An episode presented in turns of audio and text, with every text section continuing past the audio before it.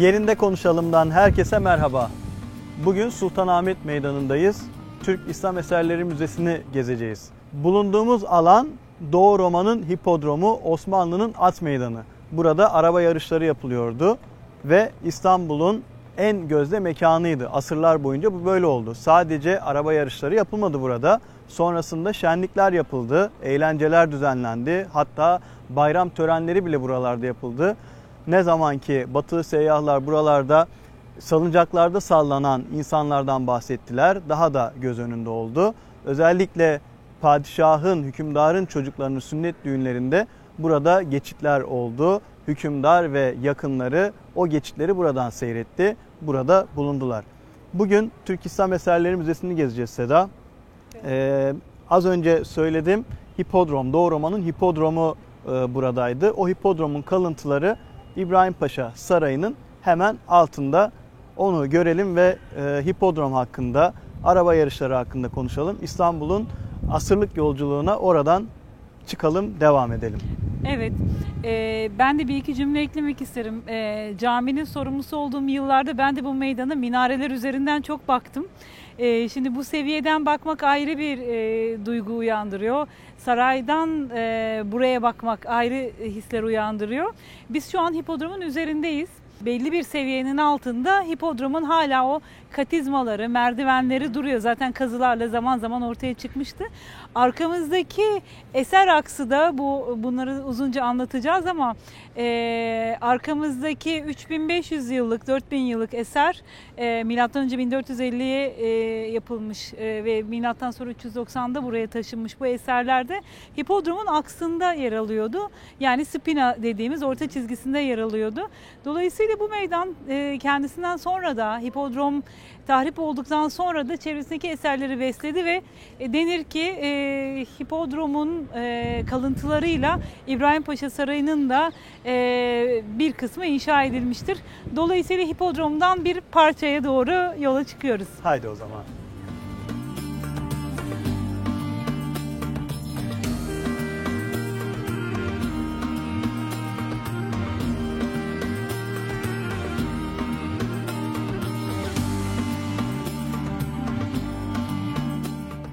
Ve Türk İslam Eserleri Müzesi'nin hemen altında hipodrom kalıntılarının yanındayız. Bu hipodrom e, muhtemelen kesin bir veri olmamakla birlikte Büyük Konstantin İstanbul'u kurduğunda, İstanbul'u Doğu Roma'nın başkenti yaptığında olan hipodrom öyle tahmin ediliyor. Yani geçmişi e, 300'lü yıllara dayanıyor eğer tahmin doğru ise. Yani Septimus Severus'la başladığı evet. tahmin edilen ve sonra Konstantin'in tamamladığı tahmin edilen Çünkü hipodrom. Roma geleneği, Roma geleneğinde bu hipodromların, yarışların önemi var. Burada da e, Doğu Roma bu hipodromu yapıyor. E, seninle İstanbul Erkek Sesi hakkında konuşurken orada görmüştük bir e, altında sarnıç var. Alexander Valery orayı yıkmıyor. Onun üzerine Duyun Umumiye binasını yapıyor. Burada da sarayın altında bu kalıntılar kalıyor. Tabii ki Fatih İstanbul'u aldığında herkes e, çok güzel bir şehirle karşılaştığını zannediyor. Harap bir şehirdi. Hipodrom da bundan nasibini almıştı. Bu kalıntıların yıkılmaması, burada bu şekilde bulunması önemli. Ee, senin vereceğin bilgiler neler? Ee, aslında bir yandan bir restorasyonla da uğraşan veya e, ilgis özel olarak ilgilenmediği yapılarla da ilgilenen bir mimar olarak e, şunu itiraf etmem lazım. Bu yapı İbrahim Paşa Sarayı aslında hakkıyla çözümlenmiş bir yapı değil. Yani e, 2. Beyazıt döneminde yapıldığı düşünülüyor. Fatih'ten sonra e, onun oğlu tarafından yaptırılan bir saray onun İbrahim Paşa Sarayı'na dönüştürüldüğü söyleniyor. Ama bunun hipodromla olan mimari ilişkisi e, belki kesitlerle, belki dönemlerle, belki bahsettiğim gibi bu kalıntının hipodromla ve bu yapıyla ilişkisi çok fazla ortaya konmuş değil. Aslında senin işaret ettiğin bu mekan, e, çünkü ben mesela İbrahim Paşa Sarayı'na çok defa ziyaret ettim. Çünkü rahmetli Hüsrev Hocam, Hüsrev Tayla buranın 1983'teki kuruluşunu ve teşhir tanzimini de yaptığı için e, o, duygusal bir bağımız vardı ve kendisiyle de sık sık ziyaret ederdik. Sonra da ettim. Fakat bu içinde bulunduğumuz oda çok önemli bir oda. 2010'ların başında 2014'te sanıyorum yapılan kazılarla bu da cesur bir karar. Burada Evet. kazı yapmak çok cesur bir karar. Ee, bulunuyor bu kalıntılar. Bu da şuna açıklığa kavuşturuyor. Aslında birazdan çıkacağımız ve sarayın en özgün ayaktaki avlularından biri olan ikinci avluda e, onun ne kadar o kadar yüksekte, neden o kadar yüksekte olduğunu anlatıyor. Çünkü çok Osmanlı çok pragmatik. Eski insanlar çok pragmatik. Bulduğunu kullanıyor, dönüştürüyor. E, mesela muhtemelen e, şuraya geleceğim. E, dışarıda bir takım kemerler var sarayın girişinde. Şu anda da çok etkili, mimarisinde çok etkili olan kemerler belki hipodromun e, belli unsurlarıydı. Çünkü e, şu anda olduğumuz kota bakarsak bu hipodromun belki merdivenlerinin oturduğu tonozlar olabilir. E, biz hep e, o meydanda dururken deriz ki hipodromun altında deriz. Oysa şu an, şu an baktığımızda e, eğer bu kotta bir şey varsa yani şu an hemen hemen meydan kotundayız. E, o zaman daha üstlerde bir hipodromla ilgili bir şey çıkıyorsa hipodromu aslında tam olarak nerede konumlandığını hiçbirimiz e, çok tahayyül etmemişiz. Bu kalıntı çok önemli o yüzden. E, mesela meslek lisesine, Sultanahmet Endüstri Meslek Lisesi'nin hep fotoğrafını görürüz. Hipodromun o U tipli dönüşünün üstünde oturmuştur. diye, evet. Sphendon bölümünde. E, dolayısıyla böyle kalıntıları görmek e, oldukça etkileyici böyle parçaları. Umarım e, o taraftan da hipodromun girişlerinin restorasyonu ve halka açılması tamamlanır. Gelen ziyaretçiler belki Büyük Saray'ın e, kalıntılarının bulunduğu işte bu e, açık arkeolojik alanlar var. Oradan ve Mozaik Müzesi'ne, belki buradaki kalıntıya hepsini birden ziyaret eder, e, defalarca ziyaret eder. Çünkü olduğumuz e, alanın anlamı şu, burada sürekli devinimli sergiler var. Birazdan Evet. sen de ayrıntılı olarak bahsedeceksin. Dolayısıyla bu yapıyı defalarca ziyaret etmek mümkün. Yılda belki 4 belki 6 sergi yapılıyor periyotlarına bakılırsa. Bu çok önemli bir şey. Burada kalıcı sergilerin dışında geçici sergi olması. Dolayısıyla bizim bütün bu karmaşayı anlamamız için çok ciddi bir fırsat.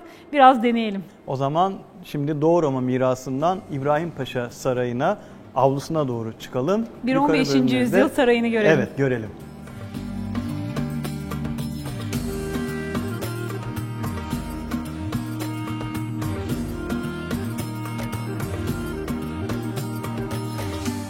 Ve Türk İslam Eserleri Müzesi'nin yani İbrahim Paşa Sarayı'nın avlusundayız. İkinci avludayız. İkinci en avludayız. Evet. Burası İslam Eserleri Müzesi. İstanbul'daki İslam Eserleri Müzesi İbrahim Paşa Sarayı'nda. Edirne'de misal Selimiye Camisi'nin avlusunda. Bursa'daki İslam Eserleri Müzesi Yeşil Medresesi'nde. Evet. Çok güzel yerler e, aslında tahsis edilmiş. Fakat e, İslam Eserleri Müzesi denilince İstanbul'da sanki burası İbrahim Paşa Sarayı öteden beri bir müzeymiş gibi algılanıyor. Aslında öyle değil. İslam Eserleri Müzesi 1914 yılında kuruluyor. Hatırlarsan biz e, Çinli Köşk'te Arkeoloji Müzesi'ni anlatmıştık. 1890'larda kuruldu diye e, çok güzel bir program olmuştu. 1914'te de İslam Eserleri Müzesi Süleymaniye Külliyesi'nde imaret bölümünde Darü Ziyafe diye adlandırılan bölümde kuruluyor. Tabii e, burası kadar geniş bir alanı yok.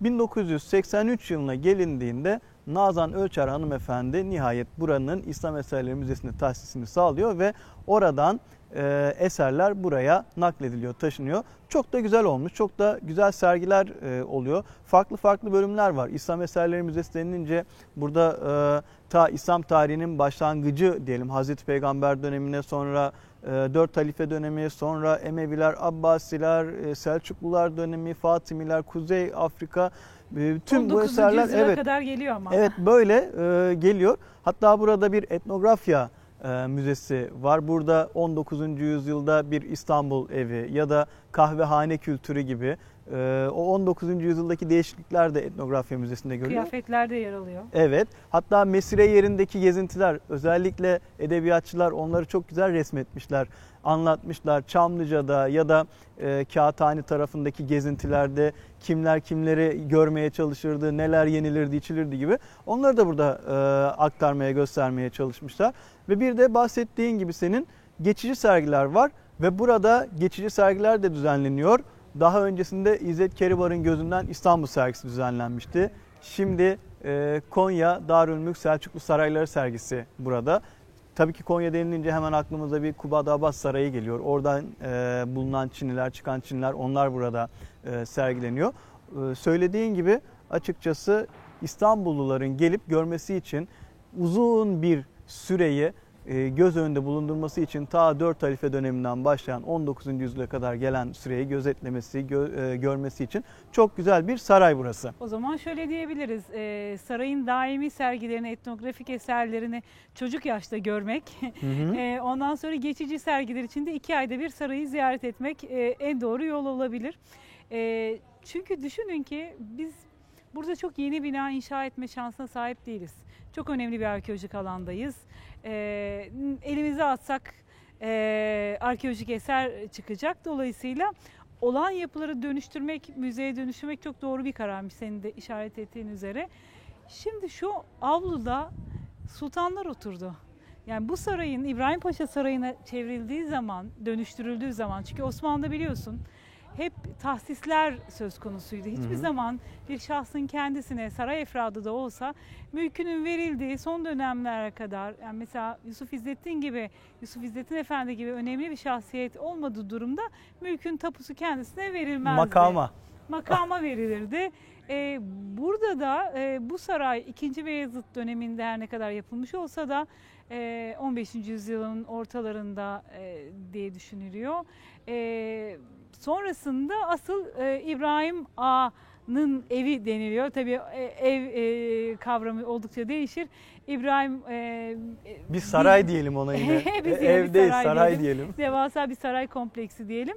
Ee, burada hipodromun e, elemanlarıyla, mimari e- unsurlarıyla, molozlarıyla, mermerleriyle, sütunlarıyla diyelim ki bu yapı inşa edildi. Ve ilk misafir kim?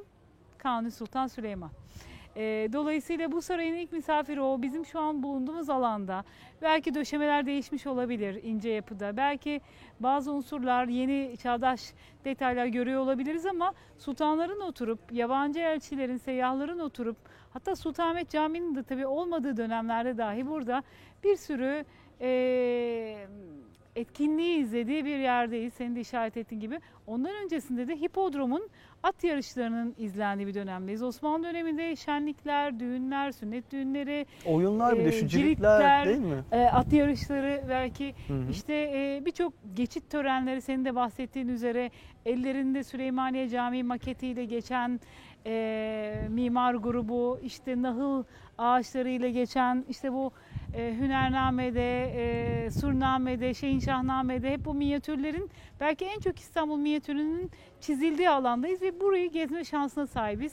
Kişinin elinde değil ve e, biz rahatça bunu elimizdeki müze kartla istediğimiz kadar bir yıl içerisinde istediğimiz kadar ziyaret edebileceğiz. Sultanahmet Meydanı'ndaki dikili taşın hemen zaten karşısında yeri çok kolay. Müze kartla çok kolay geziliyor doğru. Bir de İbrahim Paşa'dan biraz bahsedelim. Ee, Onu daha sana çok bırakıyorum. daha çok kaynaklarda Osmanlı döneminde yazılan kaynaklarda da Frank İbrahim Paşa gibi tabirler geçiyor. Ee, yani Yunanistan tarafından geldiği söyleniyor, İtalyan olduğu, Fransız olabileceği.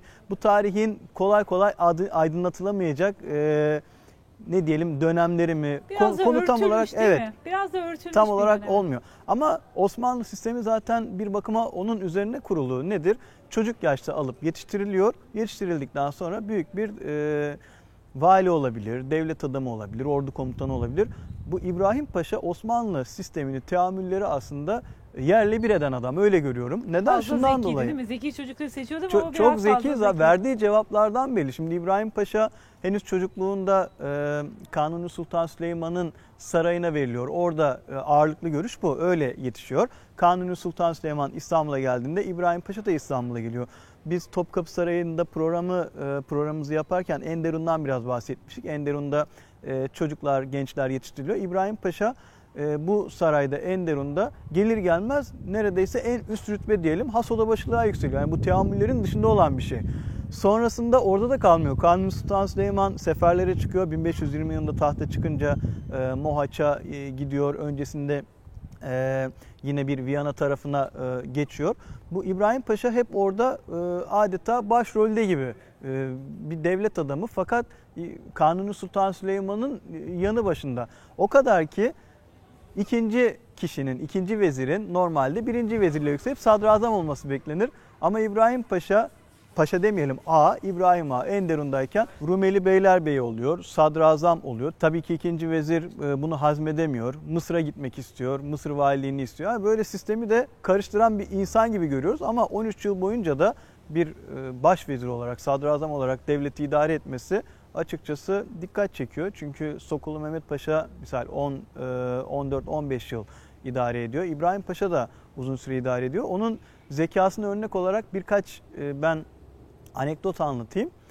Diyor ki hükümdar Kanuni Sultan Süleyman e, düğünü oluyor İbrahim Paşa'nın. Tabii ki hükümdarın da 15 gün çocuklarının 15 Evet, gece bu sarayda düğün oluyor. öyle söyleniyor. Bir de Kanuni Sultan Süleyman'ın çocuklarının sünnet düğünü oluyor. Tabii halk arasında bu böyle karşılaştırmalar, konuşmalar olunca hükümdar soruyor. Söyle bakalım diyor. Senin düğünün mü daha parlaktı yoksa bu mu? Tabii ki benim düğünüm diyor. Hükümdarın canı sıkılıyor bu cevaba. Çünkü diyor benim düğünümde Cihan Padişahı vardı ama sizin düğününüzde ben vardım. Ha, bu e, zekasını gösteren bir cevap. Bu arada heykeller deyince e, biz İstanbul'un en önemli meydanındayız diyebiliriz değil mi? Hı hı. En önemli arkeolojik eserlerin olduğu, Ayasofya'nın, Sultanahmet'in olduğu, İbrahim Paşa Sarayı'nın bulunduğu alandayız. E, bu şu anda günümüzde ne var? E, dikili taş var E, ve aslında bir yandan da e, şu anki topraklarımızdaki en eski güneş saati olarak da nitelendirilebileceğimiz değil mi? Evet, Evet. dikili taş. E, örme sütun var, yılanlı sütun var. Aslında bu spina, yani hipodromun orta aksı üzerinde birçok başka heykel vardı. İşte maviler ve yeşiller Hı hı. takımlarının işte dönemin derbisi, Hı hı. e, o takımların e, taraftarlarının e, tabii önemli e, anlarına ta pagan e, bir anlayış olarak nitelendiriyorlar tabii onlar da bu aslında hipodromdaki gösterileri ama e, bir şekilde e, spor her zaman ilgi çekiyor. O zaman da ilgi çekiyor ve aslında çok başarı kazanan sporcuların da heykelleri dikiliyor. E, ne bahsetmiştik Topkapı Sarayı'nın ikinci avlusunda e, Fatih'in kendi kişisel koleksiyonu için ikinci avluda bunları sergilettiğini ve aslında bir anlamda ilk müzemizin orası olduğundan bahsetmiştik. Şimdi e, San Marco Meydanı bir başka meydana geçersek avludan avluya meydandan meydana çağrışımlarla Hı hı. yürüyoruz. E, San Marco Meydanı'nda orijinali içeride e, dışarıda replikası bulunan at heykelleri de e, bizim at meydanımızdan yani Ayasofya'nın hipodromdan evet gitti. buradan Evet. buradan götürülüyor Buradan doğru. götürüyor. Heykel deyince Muhaç'tan geldi madem bizden götürülenleri de anmadan olmaz. Doğru. Şimdi sen Fatih'e değindin. Mesela Osmanlı sisteminde Fatih kanun koyucu, devleti imparatorluk haline getir- getirdiği söylenen hükümdar. O kanunnamesinde, meşhur kanunnamesinde diyor ki e, atalarım vezirleriyle birlikte yemek yerlermiş ama ben bunu kaldırdım. Ben tek başıma yemek yerim. Benden sonra gelenler de tek başına yesin diyor. Hükümdarı bir bakıma adeta e, tamamen geriye çekiyor. Yani ulaşılmaz bir figür olarak gösteriyor. Ama işin ilginç yanı şu. e, aradan daha Fatih 1480'lerin başında vefat ettiğine göre daha 50 yıl bile geçmemiş. Kanuni Sultan Süleyman ile Pargalı İbrahim Paşa'nın o muhteşem yüzyılda Pargalı Pargalı diye hep söyleniyordu. Evet. İbrahim Paşa'nın e, o kadar yakın ki Venedik elçilik raporları yani buradan Venedik'e gönderilen raporlarda hükümdarla Kanuni Sultan Süleyman'la İbrahim Paşa o kadar yakın ki İbrahim Paşa ve Kanuni geceleri sohbet ediyorlar. Aynı odada uyuyorlar. Neredeyse böyle başları birbirine değecek yataklarda uyuyorlardı diyor. Yani bu vezirine gösterdiği önemi çok e, gözler önüne seriyor eğer doğru ise. Hani Çok muhabbet tez ayrılık getirir diye de bir atasözümüz var. Sonrasında da evet başına geliyor. Zaten öncesinde makbul, sonrasında maktul Maktul İbrahim oluyor, Paşa evet. deniliyor. Çünkü bu şekilde e, basamakları tırmanan sadrazam, vezir azam İbrahim Paşa gün geliyor e, diğer devlet adamlarının altını oyması diyelim, dedikodular ve kendisinin yanlış hamleleri neticesinde bir gece ne yazık ki e, öldürülüyor devlet adına ve nereye gömülüyor onunla da ilgili farklı tartışmalar var. Bir görüş Kabataş tarafına defnedildiğini söylüyor. Bir başka görüş e, Karaköy'de Makbul İbrahim Paşa'nın camisi var. O civara defnedildiğini söylüyor. Orada da tarihçiler tam olarak fikir birliğine varamamış. Fakat e, bu hayatını böyle incelediğimiz zaman bir insanın ne kadar hızlı merdivenleri tırmandığı ve bir anda nasıl o merdivenleri indiği yere çakıldığını görüyoruz. Tez muhabbet ayrılık getiriyormuş. Evet. İbrahim Paşa'dan e, bahsettik. Saraydan yine bahsedeceksek eğer benim aklıma geliyor biz tarihi eserleri zaman zaman hoyratça harcıyoruz gibi görünüyor. Özellikle burası 1900'lü yıllara gelindiğinde harap bir durumda. Sonrasında sarayın e, arkasındaki bir bölüm yıkılarak buraya adliye binası e, yapılacak. Çünkü 1930'larda aslında Ayasofya'nın hemen yanında bir e, adliye binası var ama yanıyor. Yeni bir adliye binasına ihtiyaç var. Zaman da daralmış anlaşılan. Bir çırpıda orası yıkılıyor, yeni bir bina yapılıyor. Doğru değil mi?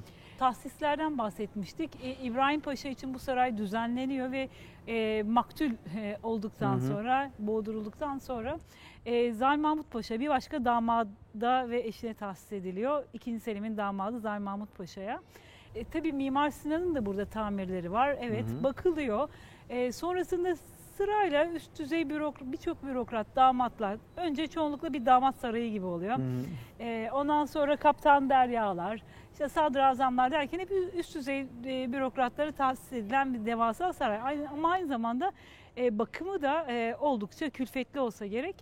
E, sonrasında 17. yüzyılda, 18. yüzyılda artık biraz bu yangınlar, depremler e, ve bakımın zorluğu ve e, direkt İbrahim e, Paşa kadar önemli bir insan değil de belki daha az adı bilinen, imparatorluğun da daha gerilediği bir e, dönemdeki şeylerde bakılamıyor.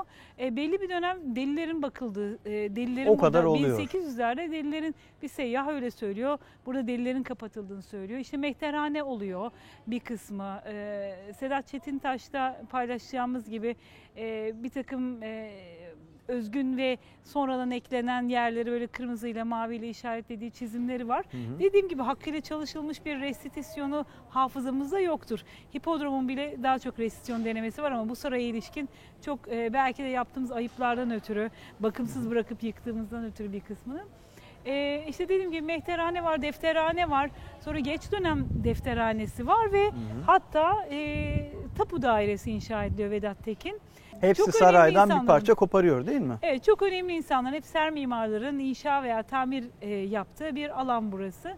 E, sonrasında e, artık 18. yüzyılda buranın harap olduğunu söyleyebiliriz. 19. yüzyıla geldiğinde zaten e, artık 19. yüzyıl sonlarında artık zaten Topkapı Sarayı da terk edilip Yıldız Sarayı'na gidildiği zaman zaten alanın belki genel olarak bakımsız olduğundan da e, bahsedebiliriz. Son dönemlerde tapu dairesi de yapılıyor. Tabii tapu dairesi denilince burada Girit'in kaybetme bir sonucu yapılan eylemleri, sonrasında e, Halide Edip'in bu meydandaki konuşmalarını, e, bu meydanla ve bu binalarla ilgili e, geç dönemde de aslında önemli fotoğraf kareleri var e, evet. aklımızda.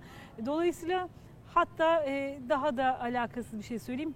Nasıl böyle hipodromun çeşitli gravürlerinde böyle ortasında böyle bir fil görüyorsak hı hı. ilginç bir şekilde burada da avlulardan birinde de hatta bir e, fil bağlandığını, e, fil damı olduğunu belli bir alanın söyleyen seyyahlar da var.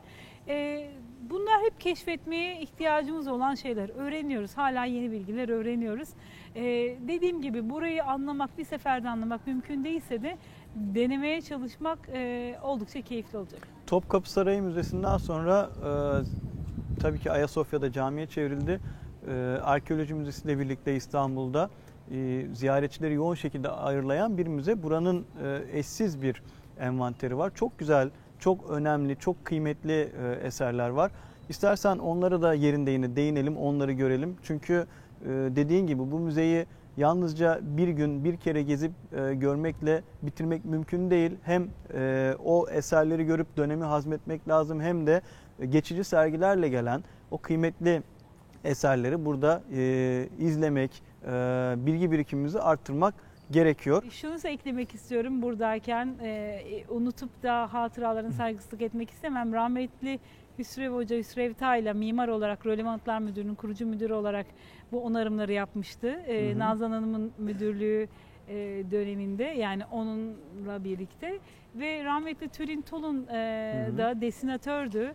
E, bu çok e, özel ara bir e, bizim işimizde önemli bir şey. Çok zevkli bir insandı rahmetli. O da yakın zamanda kaybettik. O da hocamla birlikte çalışırdı. E, o da desinatörlüğü ile teşhir tanzimi yapmıştı. Hı hı.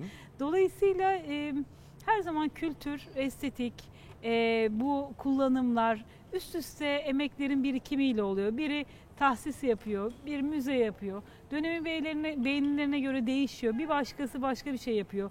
Bir başka müdürümüz, şimdiki e, müdürlerimiz e, geçici sergiler için e, kendilerini yoruyorlar. Düşünün bunların gelmesi, sigortalanması, burada Zahmetli iş. taşınması, Çok zahmetli. tekrar gönderilmesi bunlar o kadar zor ve büyük işler ki bize sadece gezmek kalıyor. Hadi gezelim.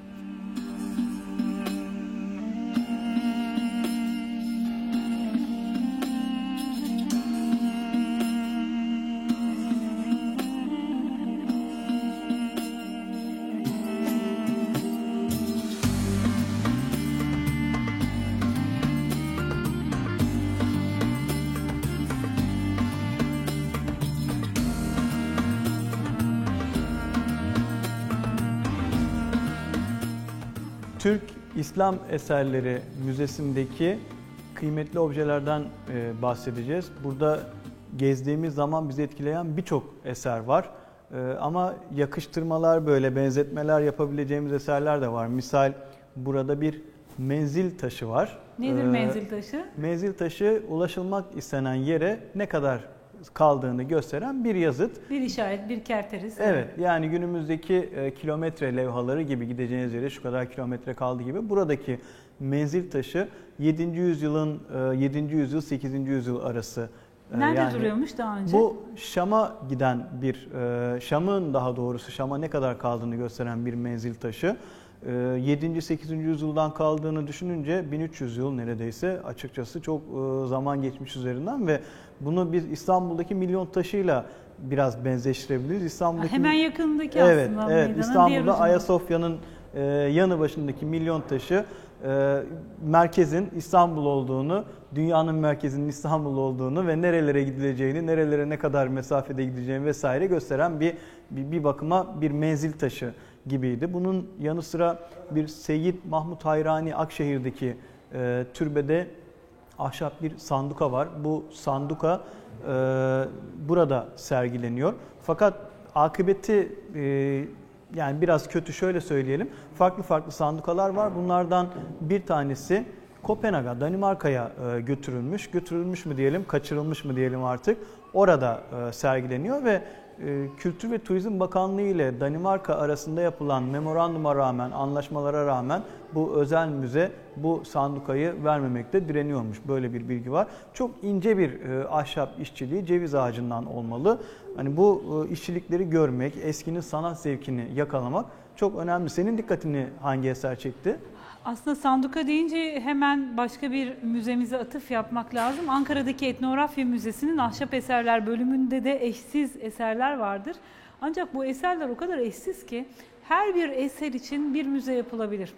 Ee, burada da e, yine e, Cizre e, Ulu Camii'nin 12. yüzyıl eseri olan ve daha önceki eser başka belki başka eserlerden dönüştürüldüğü söylenen Cizre Ulu Camii'nin e, 13. yüzyılda olduğu tahmin edilen, ait olduğu tahmin edilen kapısı yer alıyor. Bu kapı kitabesiyle e, inanılmaz bir eser, Harika. önemli bir Artuklu eseri. Sadece bunu görmeye bu müzeye gelinebilir. Kapının üstünde maalesef yine e, iki kanat, e, iki tokmaktan biri e, yine Kopenhag'da. Bu batılı tipi e, eser sevme e, şeyi özel bir müzede. Yine bu müze tüm çağrılara rağmen cevap vermiyor ama bir gün e, Kültür Bakanlığı yaptığı birçok çalışma önemli sonuçlar veriyor. Birçok eseri geri alıyoruz. Umarım o kapı kolunda alırız. O da e, senin nasıl milyon taşı, menzil taşı analojisi gibi o, onun üzerindeki aslan ejder karışımı o figür de e, kapı kolundaki e, aslında tılsımlı olduğuna inanılan bir e, ve koruyucu olduğuna inanılan bir şey. Bu bana neyi anımsatıyor? Fatih'in e, İstanbul'u fethettiği zaman e, İstanbul halkının tabii birçok ananevi, folklorik inanışları var. Her zaman var. E, Doğurama döneminde var, Bizans var işte Osmanlı döneminde de var birçok e, inanış. E, yılanlı sütundan medet uman e, İstanbul halkına, eski İstanbul halkına Fatih e, yılanlı sütuna gürzle vurarak e, tılsımını yok ettiğini, onda tılsım olmadığını, onun belki de e, teşbih atamaz, kendine bile hayır olmadığını göstermek istemiştir. Dolayısıyla hatta yılanlardan birinin e, başının o birbirine hani dolaşmış e, ba- başlığında bu sırada hani bu gürzün atılmasıyla kırıldığı da Kırıldı, söylenir. söylenir, evet. Zarif Ongun da bu e, İbrahim Paşa Sarayı üzerine ilk kapsamlı aslında hala da en kapsamlı makalelerden birini yazmış olan eski korumacılarımızdan Zarif Bey de e, bu anekdotu da İbrahim Paşa Sarayı ile ilgili anek e, makalesinin içine sıkıştırmıştır. Dolayısıyla tılsımlar, e, menzil taşları, e, kapılar, e, kaçırılan eserlerimiz bunun panzehiri nedir? Bu eserlerimize sahip çıkmamız ve yerinde ziyaret etmemiz. Evet, e, hatta burada kapılardan, kapı kanatlarından bahsettik. Misal Konya imaretinden getirilen bir e, kapı kanadı var yine. Onu görünce aklıma zaten hemen Osman Hamdi Bey'in o güzel tablosu geldi. E, Mimar Sinan Güzel Sanatlar Üniversitesi'nde resim heykel bölümünde gezdiğimiz zaman dikkatimizi çekmişti. Bir türbe, belirli türbeden alınan e, yine sandukası var. Arkasında imaret kapısı var. Hani o dikkatimi çekti. Gerçekten bunları burada çok güzel bir şekilde e, sergilemişler. Bu ahşap eserleri görmek için dahi Cizre Ulu Cami'nin kapısını, kapı kanatlarını görmek için dahi gelinir. Çünkü harika bir e, eser. Zamanında, Devasa bir eser. Evet, zamanında o Türk İslam sanatının da hangi noktaya ulaştığını göstermesi açısından çok e, kıymetli. Ama bunlar mı var burada sadece? Hayır. Yani İslam tarihi, İslam eserleri müzesi olduğu için biliyorsun e, ilk vahiy geldiğinde İslam tarihinde onlar yazılmıyor ama daha sonra kitap haline getiriliyor. Evet. Küçük küçük e, sayfalara yazılanlar var. Bunların bir kısmı buraya alınmış. Kur'an-ı Kerimler var. Evet. E, hatta Şam evrakı var. Bu İstanbul'un bir bakıma e, İslam aleminin merkezi gibi olduğunu düşündürten bir detay ki o da şöyle 1910'lu yıllarda Şam'daki camide bulunan evrak İstanbul'a getiriliyor. Bir iki sayfa Kur'an-ı Kerim e, sayfası yazılmış. Onlar da burada yine İslam eserleri İnsan aklı almıyor bu sergileniyor. kadar önemli eserlerin burada oluşunu her bir odanın Ve biz bunun devasa- farkında değiliz. Senin dediğin gibi burayı gezmemiz gerekiyor. Ee, geçici sergileriyle, kalıcı, sergileri. burada sergilenenleriyle, ahşap eserleri, ahşap eserlerle de bitmiyor. Ee, fil dişi, sedef kalkmalı diyelim, sehpalar, masalar var. etnografik eserlerle, günlük yaşam Evet. eşyalarıyla, gelinliklerle, kıyafetlerle herkesin ilgisini çekecek e, önemli bir müzemiz. Hem İbrahim Paşa Sarayı'nı görmek hem de bu eşsiz, e, kıymetli eserleri görmek için buraya gelinmesi gerekiyor. Bir detayımız daha var. Onun için diğer bölüme geçelim ve oradaki e, Sergiyi gezelim. o sergiyi de gezelim. Unutmadan aklımda bir e, hep ben böyle bir bitmiyor eklemelerim.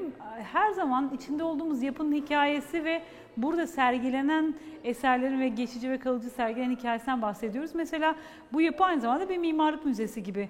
Belli bir yeri hipodromun e, kalıntılarıyla, belli bir yeri sivri kemerleriyle, teğet kemerleriyle Osmanlı'nın birçok unsurlarını bir arada görebileceğimiz yapı. Geçtiğimiz e, koridora bir de o gözle bakalım. Evet.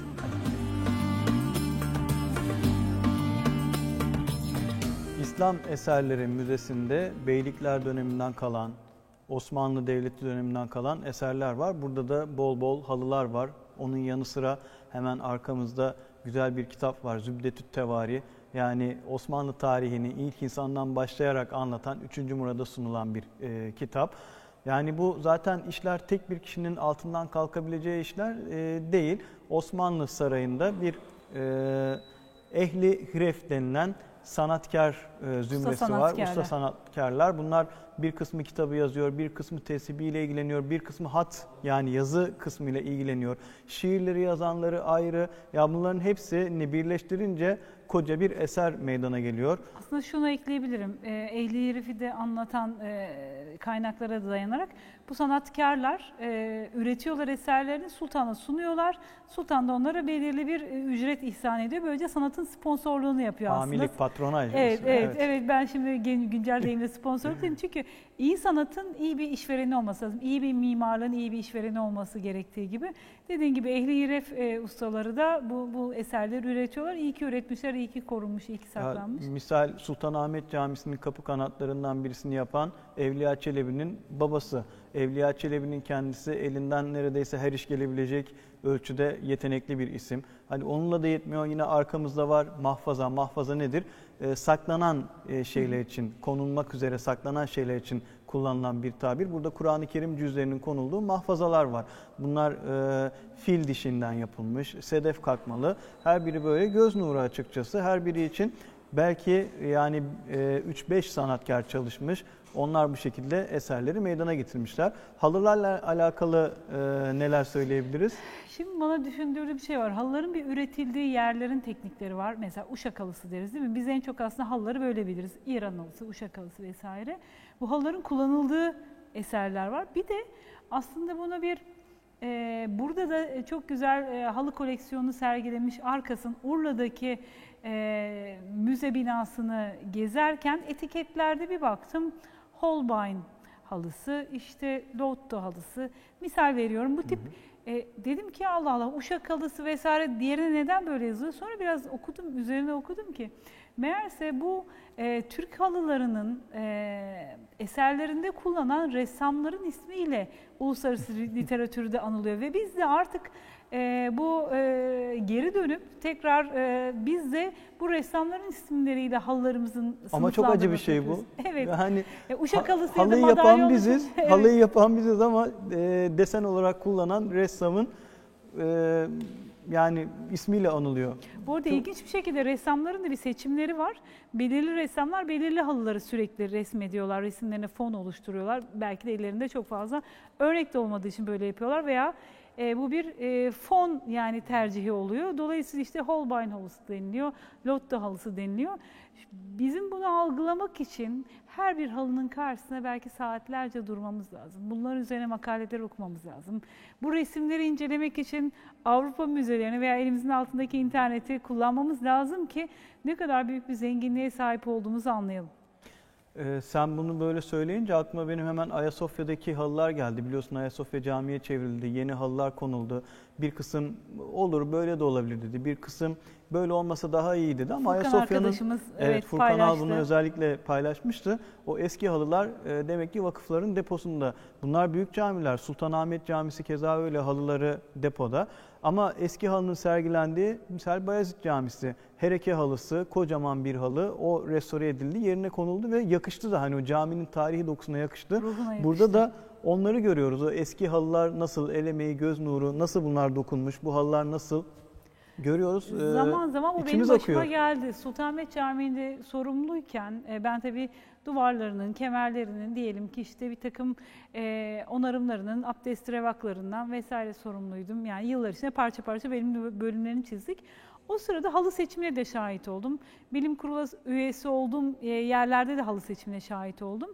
Ee, aslında böyle bazen her şeyin suçunu tırnak içinde söylüyorum. Ben e, Cumhuriyet e, rejiminde yaşamayı çok da seven ve böyle bu e, düzende e, kadın mimar olarak görev yapan biri olarak e, bazı kopuklukları hep e, işte bir kesinti, işte eski yazıdan geçiş, e, yeni yazıya, Latin harflerine geçişe bağlanır. O bir yok, hayır. Bizim çok çalışmamız lazım. Yani bizim bu kadar büyük bir imparatorluğun bakiyesine sahip olan ve bundan da önce geçmişteki bu kadar bakiyeye sahip olan bir e, ulus olarak, e, bu topraklarda yaşayan insanlar olarak çok çalışmamız lazım. Yani nedir? Dediğin gibi halı. Mesela artık böyle biz halıcıların yaptığı halıların içinden halı seçmek, desen seçmek zorunda değiliz. Biz bunun üstüne çıkmak zorundayız. Biz e, buradaki her şeye hakim olmak zorundayız. Tekstil bölümleri, e, halı bölümleri artık neyse o eğitimi veren yerler. E, buradaki arkadaşlarımız geçmişle ilişkili olmak zorunda ve cami halısı nasıl olur bunu bilen Türkiye'de belki mesela 50 tane uzman olmalı. 80 milyon kişiyiz belki daha fazla insanız. Yani buradan dediğim gibi mesela bazen endüstriyel bir mirasta bile başımıza geliyor. Bir endüstriyel miras, bir baca, bir kazan nasıl restore edilir bunu ya da bu ilişki nasıldır bunu soracağımız bir makine mühendisi çıkmıyor karşımıza. Yani dolayısıyla her şeyi mimar olarak biz çözemeyiz. Bizim de zevkimizin, bilgimizin, donanımımızın sınırları var. Ee, bu halılar karşısında e, şey, eziliyorum açık söyleyeyim. Yani çünkü bunları anlamak bir ders. E, Albaraka yayınlarının bir e, kitabı çıkmıştı. Konu kültür olunca her şeyin reklamını yapabilirim. E, ona başladım. E, hakkıyla okuyamadım. Tekrar dönüp buradan sonra şu şu odada bulunmak bile e, bugünün en güzel karı. E, herkese bu odada buradaki devasa emeği, binlerce düğümü, insanların alın terini görmeyi e, öneriyorum. Nasıl az önce kapıdan menzil taşlarından bahsettiysek inanılmaz İslam e, eserlerinden bahsettiysek, Kur'an sayfalarından bahsettiysek her bir oda başlı başına bir gelme sebebi diyebiliriz. Bunun zincirin halkaları hep birbirine bağlanıyor. Bizim bunları hem korumamız hem bilmemiz hem de tanıtmamız gerekiyor. Şimdi bahsettiğin gibi Holbein ya da Lotto halısı, halbuki Uşak halısı ya da bizim halılarımızın deseni kullanılmış. Şimdi korumak önemli. Bir de tanıtacağız. Biz bu İbrahim Paşa Sarayı'nı bugün anlatırken e, eskiden İbrahim Paşa Sarayı'nın buradan daha geniş olduğunu, daha büyük olduğunu söylememiz gerekiyor. Hemen İbrahim Paşa Sarayı'nın arkasına zamanında İstanbul Adliyesi yapıldı. Şimdi burası İstanbul İl Milli Eğitim Müdürlüğü olarak kullanılıyor.